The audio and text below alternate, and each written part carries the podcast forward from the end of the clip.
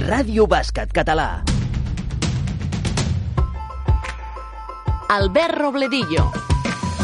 Benvinguts una setmana més a Ràdio Bàsquet Català, a la sintonia de l'esport de la cistella a Catalunya. La propera mitja hora us acompanyarem amb entrevistes, amb reportatges, amb tertúlia, amb actualitat, tot sobre el bàsquet a Catalunya. Esteu preparats? Ràdio Bàsquet Català, programa número 20, entre sumari.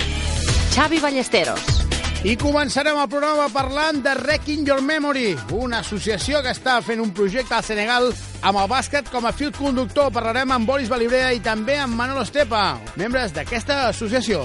I en els nostres clubs marxarem fins a l'Alt Empordà per conèixer la DEPAF de la mà del director tècnic Xavi Vallmajor, exjugador i un mític del bàsquet gironí que forma part de la nova junta que presideix el també jugador Oriol Revert. I en els records marxarem fins a terres usonenques i farem parada a Torelló, on coneixerem els inicis d'una mita del bàsquet de casa nostra, la jugadora de l'Uni Girona, Noemi Jordana.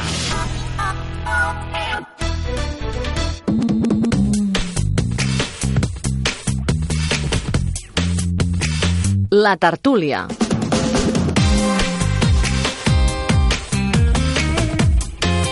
Fa algunes setmanes aquí a Ràdio Bàsquet Català vam tenir la tertúlia amb uns quants clubs de Barcelona que ens van expressar quines eren les seves inquietuds i les problemàtiques a les quals s'havien d'enfrontar. No ens van voler aturar aquí, sinó que també van voler conèixer quines eren les eh, realitats de diferents clubs al llarg del nostre territori.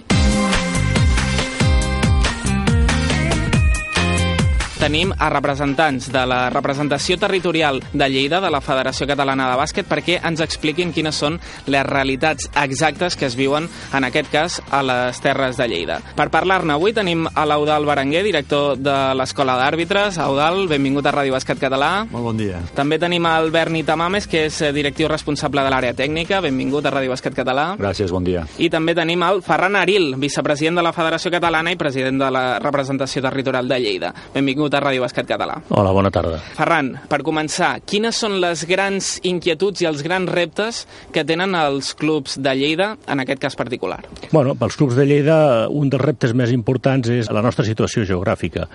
Lleida és una província molt extensa amb quilòmetres, però eh, les localitats importants estan bastant allunyades les unes de les altres. Això fa que, tot i intentar estructurar una competició al màxim consensuada possible, al màxim lligada, el que passa és que molts cops et trobes de que has d'intentar ajustar els desplaçaments al màxim, el que fem és agafar i que les diferents categories puguin jugar al mateix cap de setmana, és d'intentar lligar els calendaris al màxim perquè els equips, dintre de la distància que hi ha, que és important, hagin de fer els menys desplaçaments possibles, que es pugui combinar amb un autocar, doncs dos, tres i fins quatre equips. No? Aquest és un, un problema important i si a més a més afegim l'època invernal en què hi ha localitats en què per problemes de neu i tal doncs és més complicat el poder assistir als partits, doncs això és problemes importants que fa que eh, alguns clubs doncs, realment econòmicament els hi representi una despesa afegida a lo que val en si una competició que podria ser normal com les altres. No? I la federació, en aquest sentit, el que ha de fer és posar les màximes facilitats, no? com aquesta concentració de calendari, per poder-ho afrontar. Exacte, el que intentem és això, ajustar al màxim els calendaris per, dintre de lo possible, no sempre pot ser, evidentment, perquè no totes les categories hi ha el mateix nombre de participants, però dintre de lo possible intentar aglutinar al màxim els equips per poder abaratir-los els costos a nivell de desplaçaments. Quina és la realitat actualment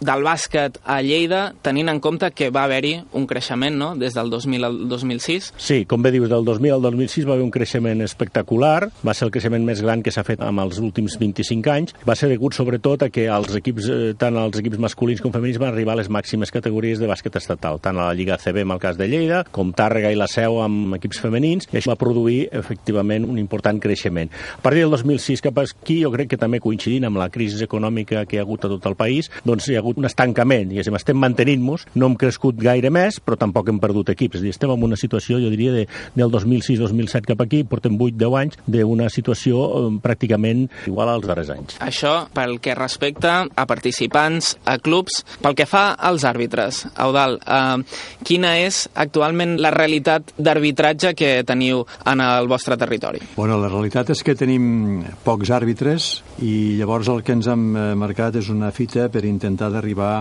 de doblar inclús la, el nombre d'alumnes a l'escola d'àrbitres. Estem portant a terme una campanya que es diu Tasta de l'arbitratge, la qual és molt agosarada perquè potser és la primera vegada que es fa amb aquesta intensitat. El que estem fent és un programa de captació per augmentar el nombre de l'escola, com deia abans. Si augmentem el nombre d'alumnes, el que ens resultarà segurament serà una més competitivitat entre ells i empenyarem, diguem-ho d'aquesta manera, els àrbitres de comitè, de manera que si algú que s'ha acomodat o no s'esforça lo suficient potser es trobarà desplaçat pels de sota, no? Uh mhm. -huh. Això seria una manera d'intentar de millorar la qualitat i que també pretén aconseguir apropar l'arbitratge als clubs perquè intentem anar pel territori per veure si podem captar aquests joves nois i noies que ens puguin facilitar també el tema del transport que dèiem abans al Ferran, que sigui menys eh, gravós o menys costós el tema de l'arbitratge perquè hi ha dues coses, una cosa és arbitrar el partit i l'altra cosa és el desplaçament. Doncs aquesta segona part, si hi ha un estalvi important, els clubs també poden veure que és important i que, i que val la pena doncs, eh, buscar àrbitres. I com deia abans, si millorem la qualitat, doncs, ja culminaríem eh, els nostres esforços. I per això et dic que estem fent programes de difusió a premsa escrita, a la ràdio, com és el cas d'avui, també a la televisió, alguna fal que, que surt molt bé també, que està molt, que la presentem allà on podem, amb els clubs, amb els instituts on tenim programades visites també pels joves a partir de 16 anys. També intentem doncs, que hi hagi un recanvi generacional, no? Aquests àrbits joves que s'incorporen a l'escola doncs, eh, donant relleu als que es van fent veterans i que, com dit abans, o es van acomodant o, ve, o veuen que el seu lloc ja l'ha d'ocupar un altre, no? Com és que no hi ha tants àrbitres, no? Si es manté una mica en aquests anys el que són els equips i els eh, jugadors participants, no hi ha aquesta inquietud? No ho sabem, però jo pensaria una mica en que la gent jove de Lleida, a partir dels 18 anys, moltíssims fan cap a Barcelona, a estudiar, sobretot. Llavors, clar, quan te'n vas a la ciutat, a Barcelona, ja costa més d'adquirir un compromís i de, en els caps de setmana, una altra vegada a Lleida, a pitar, costa una mica més, eh, la veritat. També passa amb els clubs de nois i amb noies. els jugadors, amb també, que a l'hora de passar a sènior... Això és un eh, hàndicap important, no? Uh. -huh. Llavors, clar, eh, per intentar de compensar això, fem el programa que fem, tasta l'arbitratge. Intentar de donar una petita empenta que de vegades, si no ho saps, doncs sempre a tot arreu hi ha algú que té interès o que mostra un cert interès per veure com funciona i amb aquella espenta a lo millor pues, dona el pas definitiu a incorporar-se a l'escola i a la curta o la llarga pot sortir un àrbitre bo, com, com tenim allà, d'algun àrbitre bo, de la CB o uh mhm. -huh. de la Lliga LEP, que cada cap de cada 15 dies doncs, agafen l'avió per anar a pitar. Això és important, és com una professió, és una professionalització també. Hem parlat de clubs, hem parlat de participants, hem parlat d'àrbitres. Actualment la situació dels entrenadors, quina és? És similar a la dels àrbitres? Bé, també d'entrenadors ens, ens falten, ens falten i, uh mhm. -huh. i per això des del nostre comitè, el comitè tècnic que, en el que estic jo, jo mateix, eh, juntament amb el director tècnic de la Federació de Representació Territorial i dos directius més, fem el seguiment de la formació dels entrenadors, programem també moltes activitats tècniques, xerrades, clínics, perquè aquesta formació contínua important,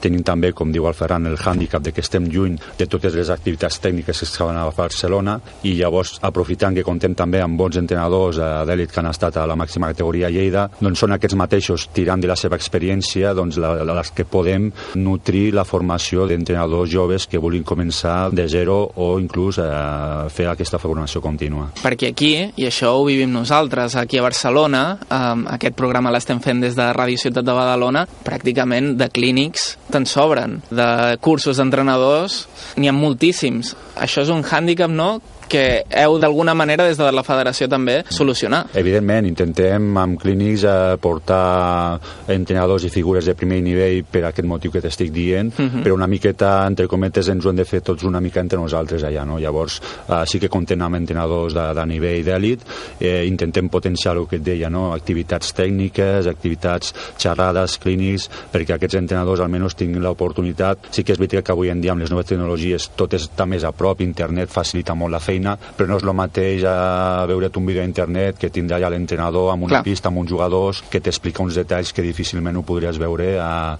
des d'una pantalla d'ordinador. Hem encetat un tema molt interessant i del qual en el programa, en aquest programa de Ràdio Basquet Català, concretament a la secció dels nostres clubs, hem parlat amb alguns clubs del territori que ens explicaven la problemàtica a l'hora de mantenir equips sènior, perquè precisament molts dels estudiants als 18 anys marxaven, anaven cap a Barcelona i i aleshores deixaven una miqueta orfa aquestes categories. Sí, cert, la problemàtica que també tenim cada cop és menys, perquè sí que és cert que a Lleida ciutat ara cada cop hi ha més eh, carrers universitaris que ja es fan allà i això ha minvat una mica la marxa de tants jugadors. Però continua sent un problema important perquè sobretot fora a les comarques doncs molta gent a la que acaben l'edat júnior doncs marxen a estudiar a Barcelona o, o, o als voltants i realment eh, el sortir de Lleida ja estan estudiant a Barcelona t'ha d'agradar molt i has de tindre molt compromís clar. per poder continuar perquè clar, tota la setmana estan fora llavors venir el cap de setmana a jugar a lo millor els representa un desplaçament i acabar el desplaçament i tornar-se'n a Barcelona per continuar els estudis és bastant complicat. Però un dels problemes afegits que tenim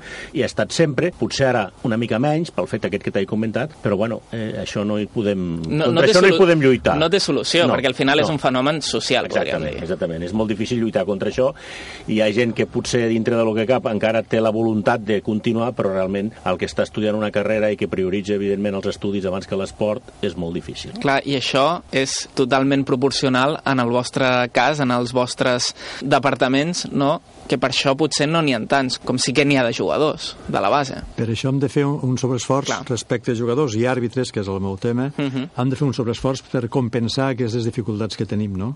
I això és cert. Ha de ser una cosa molt atractiva, o has de plantejar d'una forma molt atractiva. Ha de veure el jove que s'incorpora, que li dones la mà i que no li deixes la mà, que l'ajudaràs quan comence i quan ja es fa professional, perquè vegi que, és que val la pena. I això doncs, necessita un esforç important per part de tothom. La federació ens hi hem abocat amb aquestes coses perquè veiem que és l'única manera. Les coses no cauen del cel, s'han de treballar i s'han de buscar. Com d'important també és tenir referències en l'elit per continuar traient equips, traient jugadors, traient eh, participants, podríem dir, del nostre esport? És molt important. Com ha dit el Ferran abans, i jo vaig tindre la sort de viure aquella època de, uh mhm. -huh. del boom de l'ACB, de, del Lleida a l'ACB, és quan va veure tota l'explosió d'altes de, de llicències, se va veure una espècie de febre, no? És bàsic, és bàsic la referència de l'esport d'elit amb els joves perquè són miralls, són expectatives, és motivació per tothom, no? Llavors, en aquest sentit, continuem tenint un equip LEP amb molt de tirón. Abans parlàvem que tenim una assistència al Baris Nord al pavelló que molts equips, inclús ACB, voldrien. Llavors, això,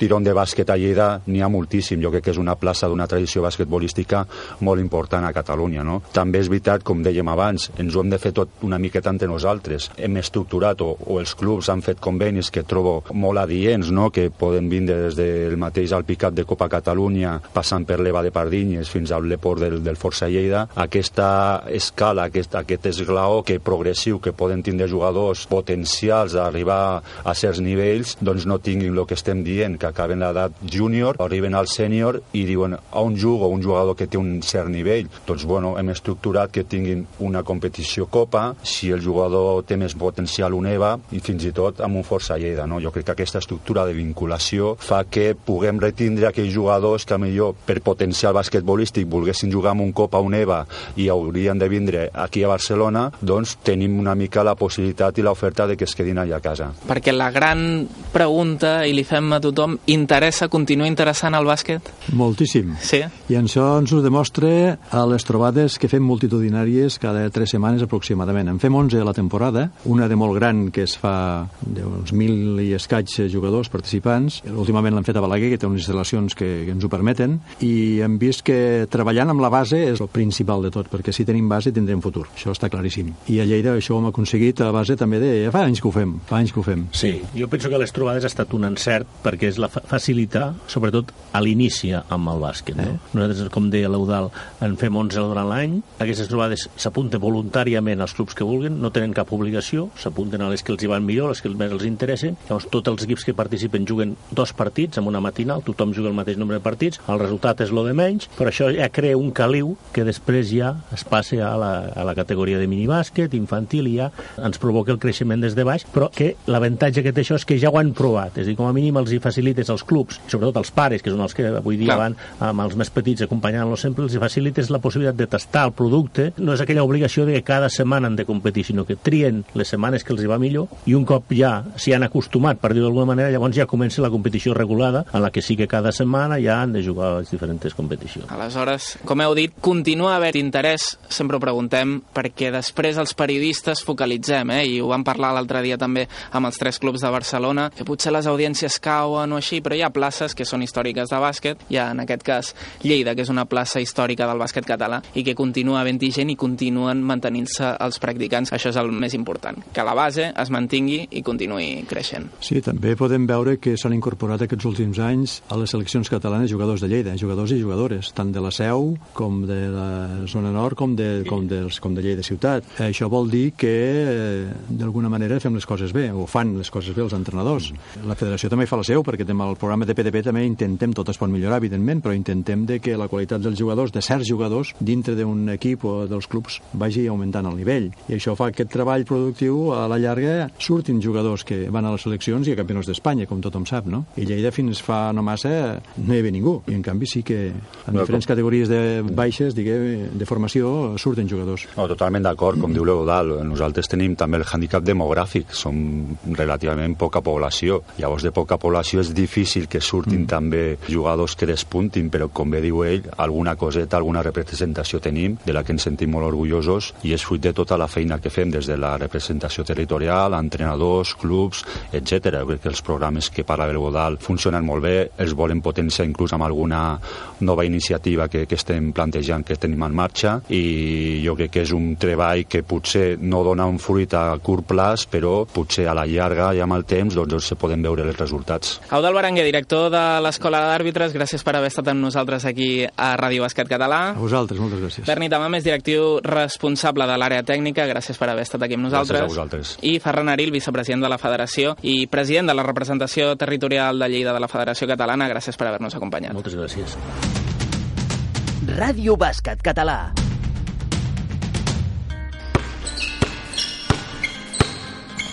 Els nostres clubs. Xavi Vallmajor, director tècnic de l'ADPAF. Quins són els inicis del vostre club? va fundar l'any 57, va ser el, un dels primers eh, de la comarca de l'Empordà i eh, en els seus inicis doncs, jugava els seus partits a la, a la catequística. Com a anècdota, doncs, eh, va ser un, si no recordo malament, un dels primers clubs en tenir jugadors tants, ja que molts dels soldats que estaven destinats a la base del Paní doncs, eh, vivien a Figueres i el club es va poder aprofitar d'aquesta situació per captar alguns jugadors. Algun moment decisiu o de canvi? Jo crec que n'hi ha dos que van marcar un, una mica doncs, fites importants en la història del club. Una en la secció femenina, quan al llarg dels anys 80 l'equip femení va estar a primera divisió, el que corresponia a la primera divisió en aquell moment, i l'altra quan a la secció masculina a finals dels 90 es va vincular amb el llavors Club Bàsquet eh, Girona, que era el Balbi, Casa de Mont, etc. fet que va poder permetre mm, també que hi hagués jugadors vinculats eh, al club i fer un salt de qualitat que va culminar amb l'ascens a Lliga EVA a principis de l'any 2000. Quin tret distintiu teniu? Jo crec que podríem destacar el fet de que eh, en la secció femenina, doncs, en els anys 80 del club van sortir jugadors molt importants com Anna Junyer o la Roselló. I en la secció masculina, doncs, jugadors que, arran de la vinculació, sobretot amb el bàsquet Girona, doncs, eh, jugadors com en Jordi Trias, Albert Sàbat, també han sigut importants en les files del club. I quins són els objectius del futur? Bé, som conscients de que actualment el club no està en un dels millors moments de la seva història, però des de fa 3 anys ja que amb la nova Junta estem treballant per desenvolupar una metodologia de treball, un, una sèrie de, que van agafant complexitat a mesura que els nanos van creixent, però sempre treballant eh, dins d'una mateixa línia, que tots els entrenadors del club segueixin el mateix camí. I evidentment que s'ha donar llibertat a cada entrenador que sigui ell mateix, a la seva personalitat, però acotar el camí per tal que tothom treballi de la mateixa manera. I anem cap al Baix Llobregat, on trobem una associació que aquest estiu marxa cap al Senegal. Els BQ. Wrecking Your Memory. Què és Wrecking Your Memory? Boris Balibrea. Inicialment tot va eh, néixer a partir doncs, bueno, una proposta que em va fer el Mohamed Diop, que actualment està jugant al Club Bàsquet Sant Feliuenc, el tinc jo com a jugador. Em va fer una proposta, bueno, aviam si podia ajudar-lo a organitzar un campus allà a la seva ciutat natal, a Luga. És una ciutat, una regió del Senegal. El primer cop ens vam embarcar en aquest projecte possiblement amb, amb la realització i l'organització d'aquest campus. Doncs ara ja portem 3 anys, aquest estiu 2017 serà el quart any que anem cap cap al Senegal i evidentment doncs, eh, l'associació ja ha agafat rumb bastant important, li estem donant molta forma i ara mateix doncs, ja no només ens estem dedicant a l'ajuda i a l'organització del campus de bàsquet, sinó que també doncs, bueno, estem a punt de signar un conveni amb l'Hospital de Luga, ja l'any passat vam signar un conveni també de col·laboració amb l'Orfenat de Luga i tenim un parell d'escoles també amb les quals tenim la intenció de poder col·laborar aquest estiu del 2017. Per què aquest nom? Manolo Estepa. Doncs mira, aquest nom neix de la vivència que va tenir amb Boris Bolibre el primer cop que va anar allà a la ciutat de Luga. Va tenir una vivència molt, molt forta, li va quedar molt gravada, molt endins, i d'aquí doncs, va sortir el nom aquest, de Requin Your Memory, grava la teva memòria. Com ha evolucionat el projecte? Mai ens haguéssim imaginat arribar al punt en què estem ara i segurament ara mateix tampoc podem arribar a imaginar eh, fins on arribarem d'aquí 3 o 4 anys, no? perquè bueno, evidentment la logística doncs, allà al Senegal és bastant complexa, els recursos dels que, amb els quals comptem allà són bastant escassos, amb la qual cosa doncs, la veritat que tot és bastant difícil i tampoc tenim una ruta molt marcada de cap a on volem anar amb la seguretat i la tranquil·litat. Vam començar tan sols amb la línia de bàsquet i ara mateix doncs, gràcies a aquest primer pas doncs, estem abarcant primeres necessitats i bueno, la veritat que en aquest sentit sí que és una miqueta lo sorprenent. No ens imaginàvem estar en aquest punt, evidentment. Com es financia? A veure, nosaltres en principi el finançament que té l'associació, el finançament l'obtenim aquí doncs, a través de, sobretot de la- de l'organització d'events, tornejos de 3x3 de bàsquet, per exemple aquest Nadal vam fer un acte que va ser un espectacle de monòlegs a l'Hospitalet, vam fer també una masterclass de Zumba que s'hi van acostar gairebé 400 persones en el seu moment. Anem fent també petites intervencions a diferents puestos, pues, posar stands, algun merchandising, eh, guardioles, i també pues, aportacions personals de persones i empreses que volen col·laborar amb nosaltres. És a dir, hi ha un cop de corrent obert i, i rebem periòdicament pues, alguns clubs de bàsquet, d'algunes associacions, amb les escoles. Anem rebent petites aportacions que, bueno, mica en mica, pues, són la font de finançament de l'associació. Hem portat molta cosa material, hem portat molta roba de clubs com el Club Bàsquet Almeda, el Sant Feliuet, el Roser, eh, algun club més que ha col·laborat amb nosaltres aportant-nos equipacions. Després també tenim col·laboracions de botigues de bàsquet com 24 segons o, o la botiga del Xavi Spin, que també estan proporcionant bastant material esportiu, bambes de bàsquet. Certament això és un fet bastant imprescindible en tota aquesta col·laboració, ja que el que per nosaltres són necessitats que podem passar per sobre perquè les donem per obligatòries quasi, no? com és el fet de tenir bambes o tenir una equipació de bàsquet, allà això no existeix, amb la qual cosa aportar-los aquest valor material jo penso que ha sigut bastant important. A part, evidentment, de tot el tema efectiu, ja també adentrar-nos una miqueta més a lo tècnic no? del bàsquet europeu. Allà són doncs, jugadors molt físics, una potència brutal, però moltes vegades no estan ben enfocades. No? Llavors jo crec que a nivell tècnic i a nivell tàctic, la metodologia que, que de la qual podem presumir aquí a Catalunya, jo crec que l'estem també intentant traslladar en una mesura també, evidentment, dins del campus dels 15 dies que dura allà, doncs intentar potenciar-ho al màxim. I per qui vulgui ajudar, com ho pot fer? Bueno, ara mateix la informació, com més o menys com tot avui en dia, es pot trobar a les xarxes socials, tant a Facebook, Twitter, com a la nostra pàgina web. Evidentment, també posant-se en contacte personal amb qualsevol de nosaltres, sigui Boris, sigui jo, sigui qualsevol dels membres. Eh, estarem encantats de rebre i d'atendre a qualsevol. El campus es fa entre la darrera setmana de juliol i les dues primeres d'agost, allà a Senegal. Ens desplacem en aquestes dates cap allà. Qualsevol que vulgui venir doncs, s'ha de posar en contacte amb nosaltres i veure una mica doncs, la disponibilitat, les seves facetes, el seu valor afegit quin és i a partir d'aquí doncs, bueno, trobar-li l'espai dintre del que és el grup que, que anem allà. Pensa que no només anem gent de bàsquet, sinó que també va gent del món de l'educació, gent del món de la sanitat, metges, en fi, anem, és, diguem-ne, variopinto el, el, el grup que anem cap allà cada estiu. I cap a Girona per conèixer els inicis d'una de les jugadores més destacades del nostre bàsquet. Records. Noemi Jordana, jugadora del City Leaf Unigirona. Si hem de buscar l'indret on vas començar a fer els primers vots, on hauríem d'anar? Vaig començar a jugar al Club Bàsquet Torelló, va ser una mica perquè jo anava a la ludoteca, que estava al costat, i el meu pare entrenava. I llavors, quan s'acabava l'hora de ludoteca, diguem-ne, llavors, eh, mentre m'esperava, doncs aprofitava i baixava als entrenos a remenar la pilota, no? I em va començar a agradar i tots els, els inicis doncs, vaig aprendre a jugar a bàsquet al Club Bàsquet Torelló. Hi ha moltes maneres d'aficionar-se a un esport com el bàsquet. Però en el teu cas, el fet de que el teu pare entrenés va ser decisiu? Bé, al principi la veritat és que ell no va ser el meu entrenador al, al principi perquè ell estava més amb les grans del club de bàsquet i, i llavors va marxar, no? Però sí que és veritat que l'estar allà com a entrenador m'hi vaig enganxar. Tinc dues germanes més que cap de les dues juga a bàsquet, vull dir que això devia ser més vocacional que no pas només pel fet de, de que hi hagués un familiar que hi jugués. I jo ho recordo com anar a passar-m'ho bé. Jo anava allà i teníem al principi un equip mixte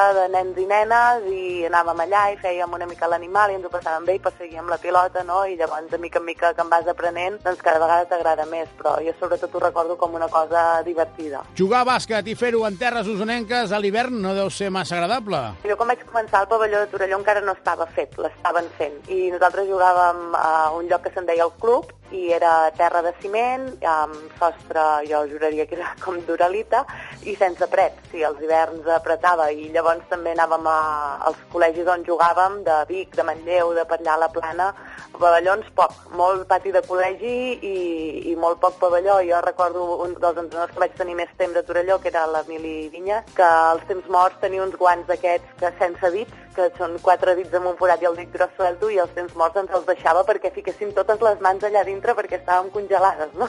Per tant, que els hiverns per la plana sí que eren durillos per jugar a bàsquet. Torelló va ser i veu aconseguir que fos una referència del bàsquet femení. Sí, a Torelló érem força, sobretot jo ja et parlo ja de femení, érem bastantes noies les que jugàvem a bàsquet i Torelló era una escola de bàsquet important, no? A seleccions a d'Osona, selecció catalana, érem bastantes de Torelló. Ara que t'has convertit en un mirall per les més joves, quin és el missatge que donaries a una nena que comença a jugar? Al principi, sobretot quan comences, has de disfrutar, has de passar molt bé, has d'anar als entrenos i que anar a l'entreno no sigui un rotllo, no? Que quan sigui l'hora d'anar a entrenar estiguis a casa amb moltes ganes de sortir de casa i anar-t'ho passar bé, també treballar. Un cop hi ets als entrenos s'ha de treballar perquè va una miqueta agafat de la mà, no? Si vols seguir jugant, anar creixent com a jugador i millorant, l'única manera de fer-ho és entrenar, estar concentrat, fer casa a l'entrenador i anar pas a pas. I tens en la memòria el dia en què vas decidir que intentaries ser professional del bàsquet? Va ser un dia tornant d'entrenar que mon pare em va proposar entrar a la Blume amb l'equip del segle XXI, amb la beca de, de 4 anys que té la Federació Catalana en conjunt amb la Federació Espanyola, i quan em va proposar entrar-hi, jo li vaig dir sí, i em va dir, bueno, diu, però això no és un joc, eh? Diu, diu, és una decisió que prens de molt petita, però que és una decisió molt sèria, que estem parlant de 4 anys i estem parlant de que tu vols dedicar-te a jugar a bàsquet professionalment, no? Vull dir, és el que et dic, no? Has de prendre una decisió molt sèria quan ets molt jove, però jo vaig dir un sí de seguida i, i amb els ulls tancats gairebé perquè jo tenia claríssim que el bàsquet m'encantava i que, que volia jugar-hi.